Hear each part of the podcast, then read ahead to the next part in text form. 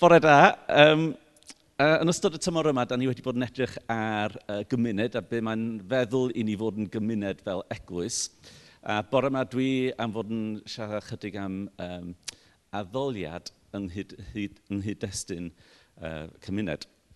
Wan, cyn i ddechrau, um, gyda fi rhyw dri beth gwahanol yn mynd ymlaen. Not a good Mae hwn, so, so gyda fi darn o bapur, gyda fi clicar, gyda fi, dwi angen cadw, amser, cadw llygad ar amser. So os dwi'n dwi colli'r plot, de, um, a madda mi, dwi ddim yn fregethwr, dwi ddim yn athro, a so gobeithio efo'r diffyg sydd gyda fi yn hynny, fydd, fydd rhywbeth yn dod drwad. Dwi yn lyfio addoli, um, dwi'n dwi wir yn lyfio fo pan da ni'n dod efo'n gilydd a da ni'n neud ein rhan canu o'n addoliad efo'n gilydd, a da ni'n dod i nabod i'n gilydd yn hynny. Dwi wir yn, yn, yn, yn mwynhau hynny. Dwi'n passionate ynglyn â addoliad, ella fod chi wedi gweld hynny.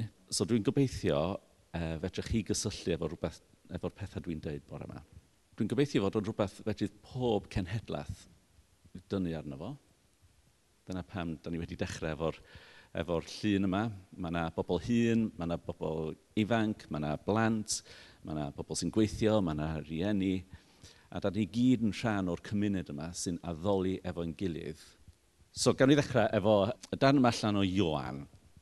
Ond, y mae amser yn dod, yn wir, y mae yma eisoes pan fydd y gwir addolwyr yn addoli'r tad mewn ysbryd a gwirionedd.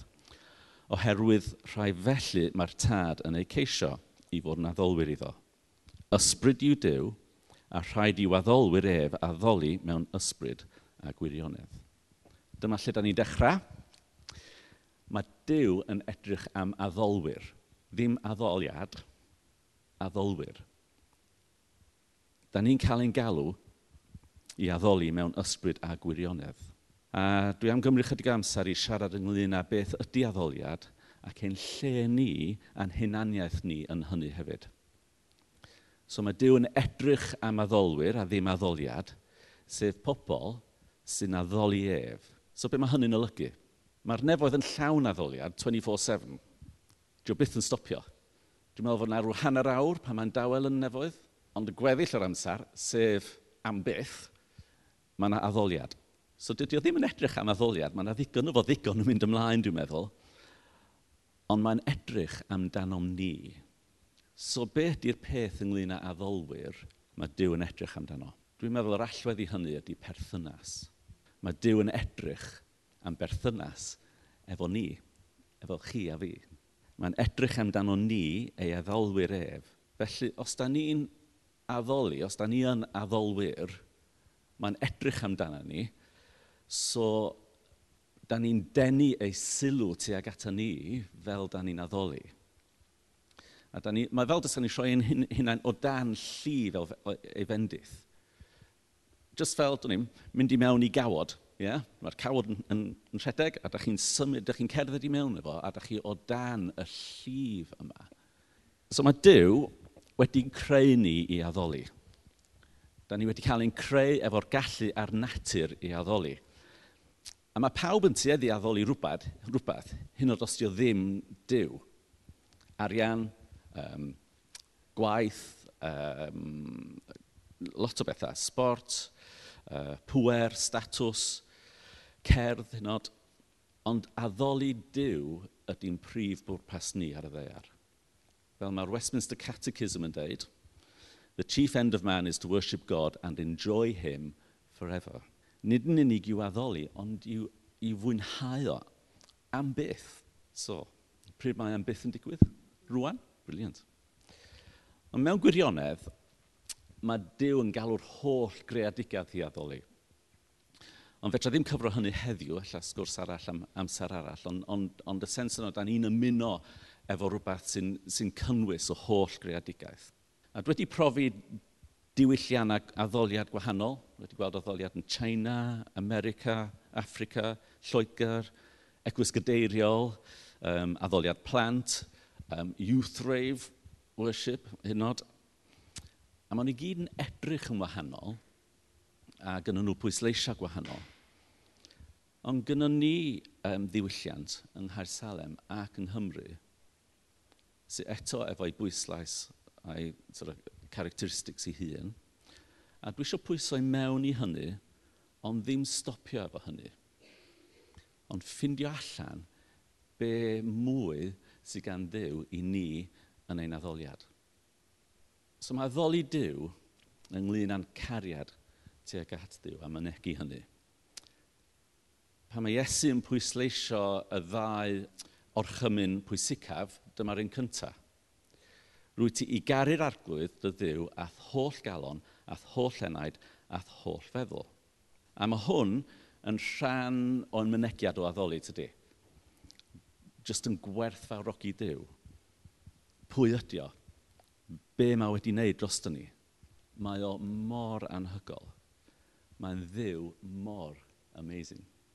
Ond mae yna sialens di, di, di, di glymu efo hwn Cos mae yna rhywbeth arall mae'r Beibl yn dysgu i ni. A fedrwn ni ddim deud ein bod i'n caru Dyw os da ni ddim yn dangos cariad tuag at ein gilydd. So hwn allan o un Ioan. Rhaid i'r sawl sy'n ei garu e, garu ei gyd grisnogion hefyd. So mae'r ddau yn ynghlwm. Fetrwn ni'n gwahanu'r ddau. So mae cymuned, neu cymunedo, os fetrwn ni'n neud berf allan ohono fo, yn, yn, yn rhan canolog o'n addoliad. Mae addoliad yn y bôn yn berthynas, yn berthynas o gariad efo Dyw, sy'n cael ei ddangos trwy ein gofal dros bobl eraill. Yn ei ddysgeidiaeth nath Iesu wneud o'n glir iawn bod ni ddangos gofal, gofal nid yn unig uh, tuag at o bobl da ni'n geronwydd, y rhai da ni'n licio, ond tuag at y rhai sy'n fwy o sialens bobl fel Zacchaeus, um, stori'r Samariad da. Felly mae cymuned iach yn dibynnu ar ein perthynas efo Dyw, a mae perthynas efo Dyw yn dibynnu ar perthynas efo'n gilydd. Hwn allan o'r rhifeiniaid 11, adnodau 35 a 36. Pwy a achubodd y blaen arno a rhodd, i gael rhodd yn ôl ganddo, oherwydd ohono ef, a thrwyddo ef ac iddo ef y mae pob peth. Kind of paraphrase fi ydy, pwy fedru rhoi rhywbeth i ddiw i, i, ddod nôl, i gael rhywbeth yn ôl?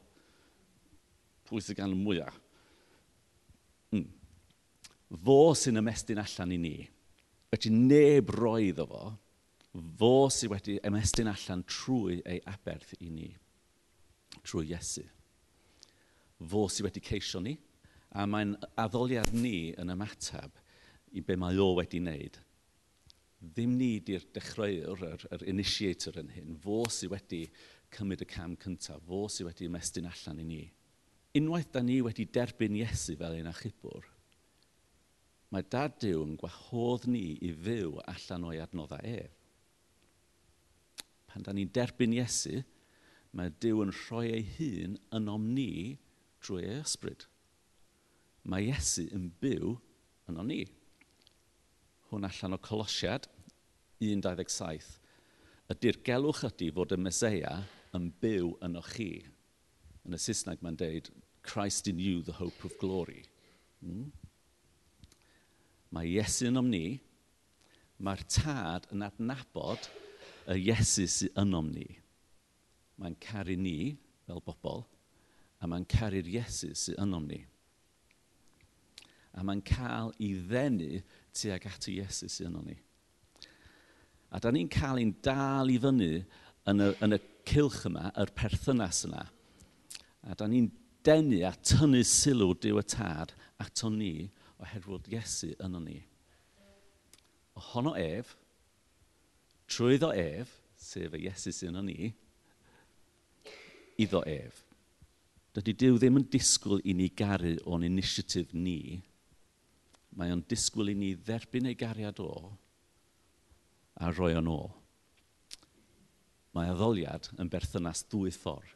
Da ni'n derbyn a da ni'n rhoi. Ohono ef, trwyddo ef, sef y Iesu sy'n o'n ni, yn ôl ato fo trwy'r ysbryd glân. Rwy'n rhaid ni dderbyn rhywbeth i fedru rhoi rhywbeth. A dyna pan da ni byth yn gadael addoliad. Rwy'n sort of, lifestyle of worship. Dwi'n ni'n sut bys i'n deud hynny. Ond, ond os fedrwn ni aros mewn addoliad, da ni yn aros yn y cilch yma o dderbyn, o, o roi yn ôl iddo fo. A dyna pam mae Dyw yn edrych am addolwyr. Mae'n edrych am bobl neu dderbyn ei bresenoldeb a'i roddion o'r nefoedd a'i pasiwn ymlaen i'r gymuned sydd angen o. So mae'r holl diwdod, y tad, y mab, yr ysbryd glân, yn rhan o'r berthynas yna. Ohono ef, trwyddo ef, iddo ef.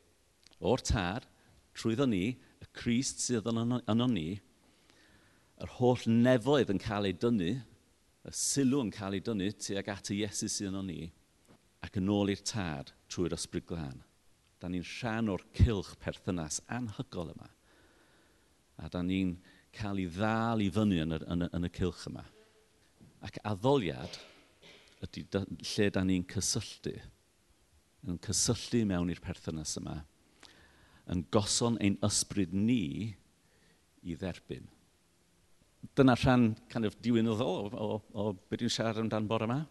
So, um, gawn ni edrych ar ddan chydig bach mwy o ymarferol o wneud addoliad, os di addoliad Okay, so, Um, dwi'n gwybod faint o gariad sydd gennych chi gyd am, y, am, am yr ysgrythyr a, a faint o bwysig ydyn ni fod yn ifydd i'r ysgrythyr.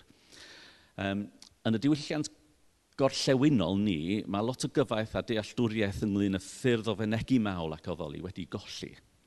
Yng Nghymraeg, um, da ni'n diweddu fyny efo dau air, basically, mawl ac addoliad. Ond o'n i'n meddwl fysa ni jyst yn gwario chydig o funudau yn explorio rhai o geiriau Hebraeg a Groegaidd uh, sy'n cael eu cyfieithu ac yn diweddu fyny mawl ac addoli. So, o'r un cyntaf yma, Tehila. Hwn yn meddwl i gannu can newydd o fawl. Can sydd heb ei gael i gannu o blaen. So enghraifft o hwn ydy Salm uh, 149, sy'n dweud, Haleluia, canwch gan newydd i'r arglwydd rhowch foliant iddo yn y genilleidfa o'i bobl, bobl ffyddlon. A'r y rhowch foliant iddo ydy'r gair yma tehila. Yeah? So, da ni'n gyfforddus efo hynny, dwi'n meddwl, yn, yn diwylliant ni, i gannu. Gyn ni lawer o emyna, um, rhai gwych, da ni'n mwynhau gannu efo'n gilydd. Ond mae hwn, hwn yn golygu canu can newydd, can sydd heb i gael ei ganu o blaen, a da ni ddim mor gyfforddus efo hynny allan dwi wedi ysgrifennu un can yn ddiweddar a da chi'n wedi bod yn gret yn ymuno efo fo ac yn, yn mwy na jyst ymuno efo fo, ond, ond addoli efo fo. Ella ddim cweith mor dda William Williams Pant Celyn, ond mae'n ffres a dwi'n gobeithio yn dal rhywbeth o be mae Dyw yn neud yn ein mysg ni heddiw. A nes i sgwennu efo'r syniad yma o, um, o fod plant ac oedolion medru addoli efo'n gilydd, heb iddo fo fod yn gan plant. So, um, yeah, a so mae wedi bod yn gret gweld nhw'n joinio mewn efo fo efo offer yna ac yn dawnsio gwmpas ac yn chwifio fflagiau. So ydy Dyw yn galw ni i ysgrifennu caneuon newydd? Ydy Dyw yn gofyn wrtho ni i ddysgu sut i ganu'r can newydd yna sydd heb gael ei ganu o blaen? Felly pan da ni'n darllen Psalm 149, dyna be mae'r salmydd yn sort of disgwyl i ni wneud pan da ni'n addoli trwyddo fo. Oce, okay, gair nesaf, iada. A mae hwnna'n golygu i addoli efo llaw di ymestyn. Ia? I ddal llaw allan mewn mawl. Enghraifft o hwn yn salm 18. Felly o argwydd, byddai un dyfoli di o flaen y cenhedloedd – ac yn can, canu mawl i dy enw. So, lle mae o? Dyna ni, byddwn ni'n dyfoli di, so iada ydy hwnna. Dwi'n meddwl fod rhai ohonyn ni uh, yn fwy cyfforddus efo hyn. Mae rhai ohonyn ni'n llai demonstratif na bobl eraill, lla. A dwi ddim eisiau rhoi pobl o dan bwysau i fod yn rhywun da chi ddim, ond da ni wedi colli rhan o ystyr um, uh, ystyr y geiriau yma yn ein profiad ac yn y cyfieithiadau. Gan y Hebraeg, syniad ac arfer lot mwy, um, a pan da ni'n darllen y salm yma, dyma sut fysa'r awdur yn disgwyl i ni addoli. Reit, fedra'n cofio sut i ddeud y gair yma. Gil, dwi'n meddwl, edo. Mae'n edrych fel rhywbeth. Anyway, na ni. Um, a mae hwn yn golygu i spinio rownd a rownd o dan dylanwad emosiwn ffyrnig. Hmm. So, Salm 118, mae heddiw'n ddiwrnod i'r arglwydd. Gadewch i ni ddathlu a bod yn llawen. Um, meddyliwch um, Dafydd o flaen yr arch yn mynd i mewn Jerusalem yn dawnsio ni drons. Ella hwnna'n rhoi chydig o sens o, o, o, o sut fysa hynny'n edrych. Ond cwestiwn sydd gyda fi ydy sut mae hwn yn edrych yn ein cymuned ni. Be ddyla hwn edrych fel yn ein cymuned, cymuned ni? Dydy o ddim ynglyn â, a gwneud un peth penodol, ond ynglyn â meddwl mwy am, amdan addoliad a dod â'n hunain fel offrwm. Dwi ddim eisiau unrhyw un ohono ni drio profi ein hunan a dwi'n diwedd i fyny yn yr ysbyty ar ôl tynnu rhywbeth. Um, ond pwy ydy ni? A sut ydy ni am dyfu tuag at yr ufuddod i'r ysgrythyr yma? sut da ni'n cadw a gofalu am pwy ydy ni, bod yn onest i bwy ydy ni, ond hefyd ymateb i be mae'r ysgrythyr yn dweud wrth ni.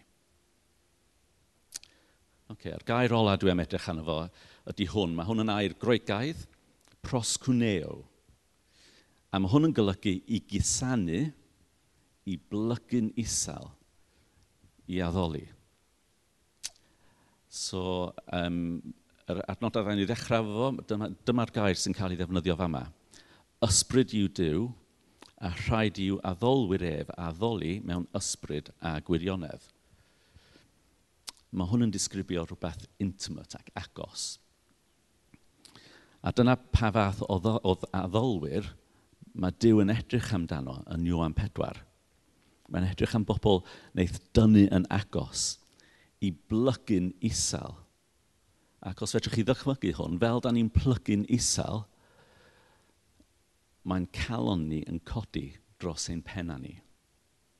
Right, okay. So mae Dyw yn ein caru ni, yn rhoi i ni, a da ni'n rhoi o beth da ni wedi'n derbyn gan Dduw ohono ef, trwyddo ef, sef y Iesu sy'n byw yn ni a sy'n denu'r holl nefoedd, iddo ef. Oce, okay, so, um, dychmygwch, Tysa fi'n mynd at ffi i ofyn iddi hi briodi fi. Mi nes i wneud o unwaith. Dwi ddim eisiau wneud o eto. Dysa fi yn wneud o eto, fes fi'n wneud o lot gwell, dwi'n meddwl. um, ond dysa fi'n mynd efo modrwy, dryd, wedi costio lot o arian, A dwi'n mynd ati a dweud ffi, dwi'n dygaru di yn dal allan y modrwy gwerthfawr yma. A mae hi, yn lle cymryd y modrwy, yn, deud, yn edrych arno fi ac yn dweud, dwi'n dygaru di. Ond ddim yn cymryd y modrwy. Sut mae hynny am wneud i mi deimlo? Da ni angen fod yn dderbynwyr da i ni dderbyn y hyn mae, mae, mae gan ddiw i ni addoliad, dyna lle da ni'n derbyn, dyna lle da ni'n gwynebu Dyw am eich ni weld. Ohono ef, trwyddo ef, y Iesu yn om ni, sy'n denu'r holl ne nefoedd tuag ato ni, iddo ef. Da ni'n rhoi allan o hynny, da ni'n derbyn.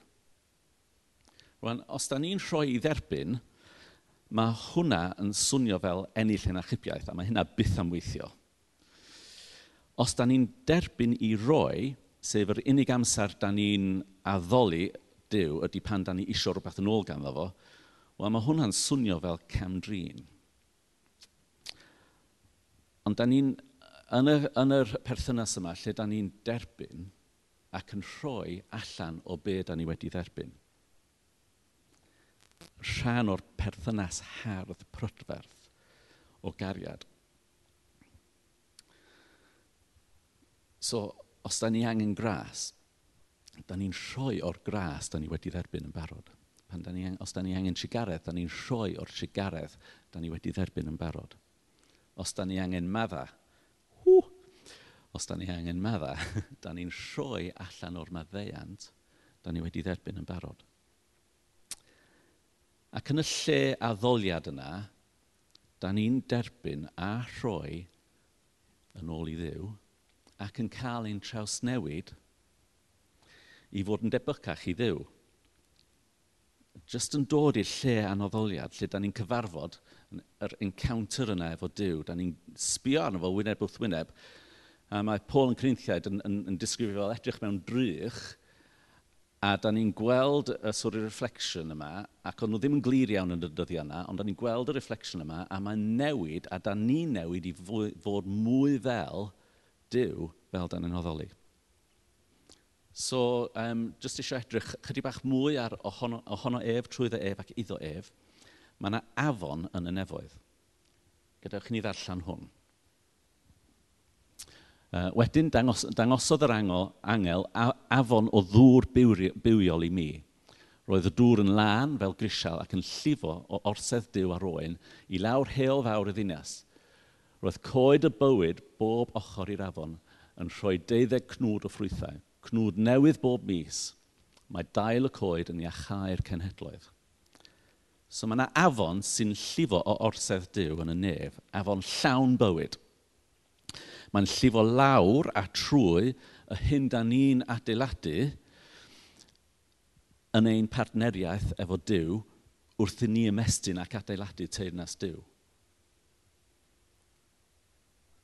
da ni angen yfad a bod yn yfad o'r afon yma trwy'r amser. A pan da ni'n addoli yn y perthynas yna efo Dyw, yn y cyfarfod, yr encounter yna, dyna lle da ni'n yfad allan o'r afon yma. Sut da ni'n gwneud hynny? Da ni'n troi ein calon, ein serch, tuag at Dyw yn yfad yn ddwfn o'i fywyd a cyffwrdd ein cymuned o'n gwmpas ni. A da ni'n cyffwrdd nhw efo be da ni'n dderbyn o'r afon yna. Oce. Okay. So mae hynna'n greit os felly ni weld hynny'n digwydd ar bore dy syl, ond sut mae'n edrych ar bore dy llun? Wel i mi, pan dwi'n e- eistedd mewn surgery, yeah, a gyda fi rwy'n o fy mlaen i sydd efo amrw problem iechyd. A mae anghenion nhw yn fwy na be fedrith meddyginiaeth wneud, be fedrai wneud fel, fel meddyg. Ond os dwi'n gallu cysylltu nôl i mewn i'r perthynas yna, sy'n ongoing yn mynd ymlaen efo Dyw, troi fy nghalon, troi fy serch tuag at Dyw, a derbyn doethineb nefoedd i fywyd y person yma. Os da chi adra wrth y sync, neu dwi'n ni'n yn, yn llnau'r grisia, neu beth bynnag da chi'n neud a fod ar y llun, a mae yna ffrind yn popio mewn i'ch meddwl. Cysylltwch yn ôl i mewn i'r addoliad yna. Trowch eich calon a'ch serch tuag at ddiw. Be sy'n gynddo fo i roi i chi, i ri chi ryddhau i mewn i fywyd eich ffrind. Yn yr ysgol, dwi ddim yn athro, ond yn yr ysgol, fedrwch chi ddysgu allan o'ch adnoddau a'ch gwybodaeth ac yn amlwg defnyddio'r sgiliau. A mae hwnna'n bwysig. Ond hefyd fedrwch ni dynnu ar adno adnoddau'r nefoedd yn ein gwaith, yn banc bwyd, mae yna rhywun o'ch blaen chi sy'n angen bwyd. Troi'n calon a'n serch tuag at ddiw. A derbyn rhywbeth arall, bywyd o'r afon yma, i'r person yna'n blaen ni. Ac os da chi rwla hardd, pam ddim troi eich calon a'ch serch tuag at ddiw? A gweld os oes ganddo fo rhywbeth i chi yn y foment yna a addoliad yn agwedd calon. Ym mhopeth da ni'n gwneud, da ni'n cyffwrdd afon bywyd mewn addoliad i gyffwrdd ein cymdogion, ffrindiau, dosbarth, cleifion, a cyffwrdd nhw efo teirnas nef. Ac addoliad ydy lle da ni'n cyfarfod, yn cael yr encounter yna, lle da ni'n cyffwrdd y nef, a lle mae ddeiar a nef yn cyffwrdd. Cymru into land. Mae yna obaith. Gret, so, um, jyst eisiau gorffan wir efo edrych ar yr adnodau yma allan o'r rhifeiniad. Maen nhw'n ganolog i mi yn hermafnu allwriaeth i o um, addoliad. Um, os da ni'n edrych ar lle maen nhw yn y llyfr rhifeiniad, o'r rhifeiniad, maen nhw'n pivot. Maen nhw, maen nhw sort of, yn, yn eistedd yng nghanol y llyfr. Okay? Mae'r un, un, un ar ddeg penod cyntaf yn, uh, yn egluro'n fanwl, llinell o llinell, be mae Iesu wedi wneud drosto ni ar y groes, be sy'n wahanol erbyn chwech o gloch dydd Gwener y Groglith. Mae ein pechoda ni wedi madda. Mae pŵer pechod py mawr wedi dorri. Does dim rhaid i ni bechu ddim mwy. Mae'r cilchred, y saicl yna o Israel, o bechod, caethiwed a chybiaeth, yn cael ei dorri. Mae'n diweddu a da ni felly hefyd mewn perthynas iawn efo Dyw. Ac ar ddiwedd hyn, yn penod 11, mae fel tas y Paul yn sylweddoli be mae wedi ysgrifennu a mae'n mae, mae jyst yn, yn, yn, dod nôl i mewn i mawl tuag at y Dyw sy'n diweddu efo ohono ef iddo ef. Uh, ohono ef, trwyddo ef, iddo ef. A wedyn mae'r mae mae mae uh, penillion yma'n dod. Am hynny, rwyf yn, yn ymbil arnoch gyfeillion ar sail torstyriaethau Dyw – eich offrymu eich hunain yn aberth byw, sanctaidd a derbyniol gan ddiw. Felly rhowch iddo addoliad ysbrydol, a pheidiwch a cyd yn ffurfio ar byd hwn, ond bydded chwi gael eich trawsffurfio trwy adnewyddu eich meddwl er mwyn i chi allu canfod peth yw ei wyllus, beth sy'n dda a dderbyniol a pherffaith yn ei olwg ef. So, ynglyn i y popeth sydd yn, yn nechrau'r llyfr, yr unig peth call i wneud ydy rhoi ein hunan fel aberth o addoliad. Ac yn yr aberth yna, da ni'n cael ein trawsffurfio, mae'n meddwl ni'n cael, y ffordd da ni'n meddwl yn newid a da ni'n cael ein trawsffurfio. Yn syth ar ôl hynny ac am weddill y llyfr, mae Paul yn mynd i mewn i sut da ni drin ein gilydd. Dangos gras ein gilydd. Peidio mellithio ein gilydd. Gobeithio fod e ddim yn gwneud hynny anyway peidio talu'r pwyth yn ôl, caru'n gilydd, parchu'r awdurdodau sifil, peidio barnu rhai sy'n dilyn rheola, da ni ddim yn, da ni ddim yn dilyn, so os di'n bwysig i rwy'n beidio bita cig, da ni ddim yn barnu, da ni'n ymuno efo nhw. Just fel enghraifft. Mm.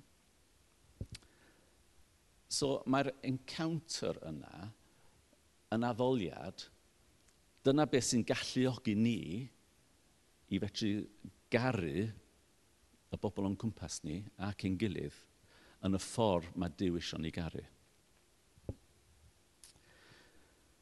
So, da ni ar daith o addoliad efo'n gilydd fel cymuned, a gobeithio dwi wedi agor rhai syniadau. Um, a mae yna gymaint fwy i explorio.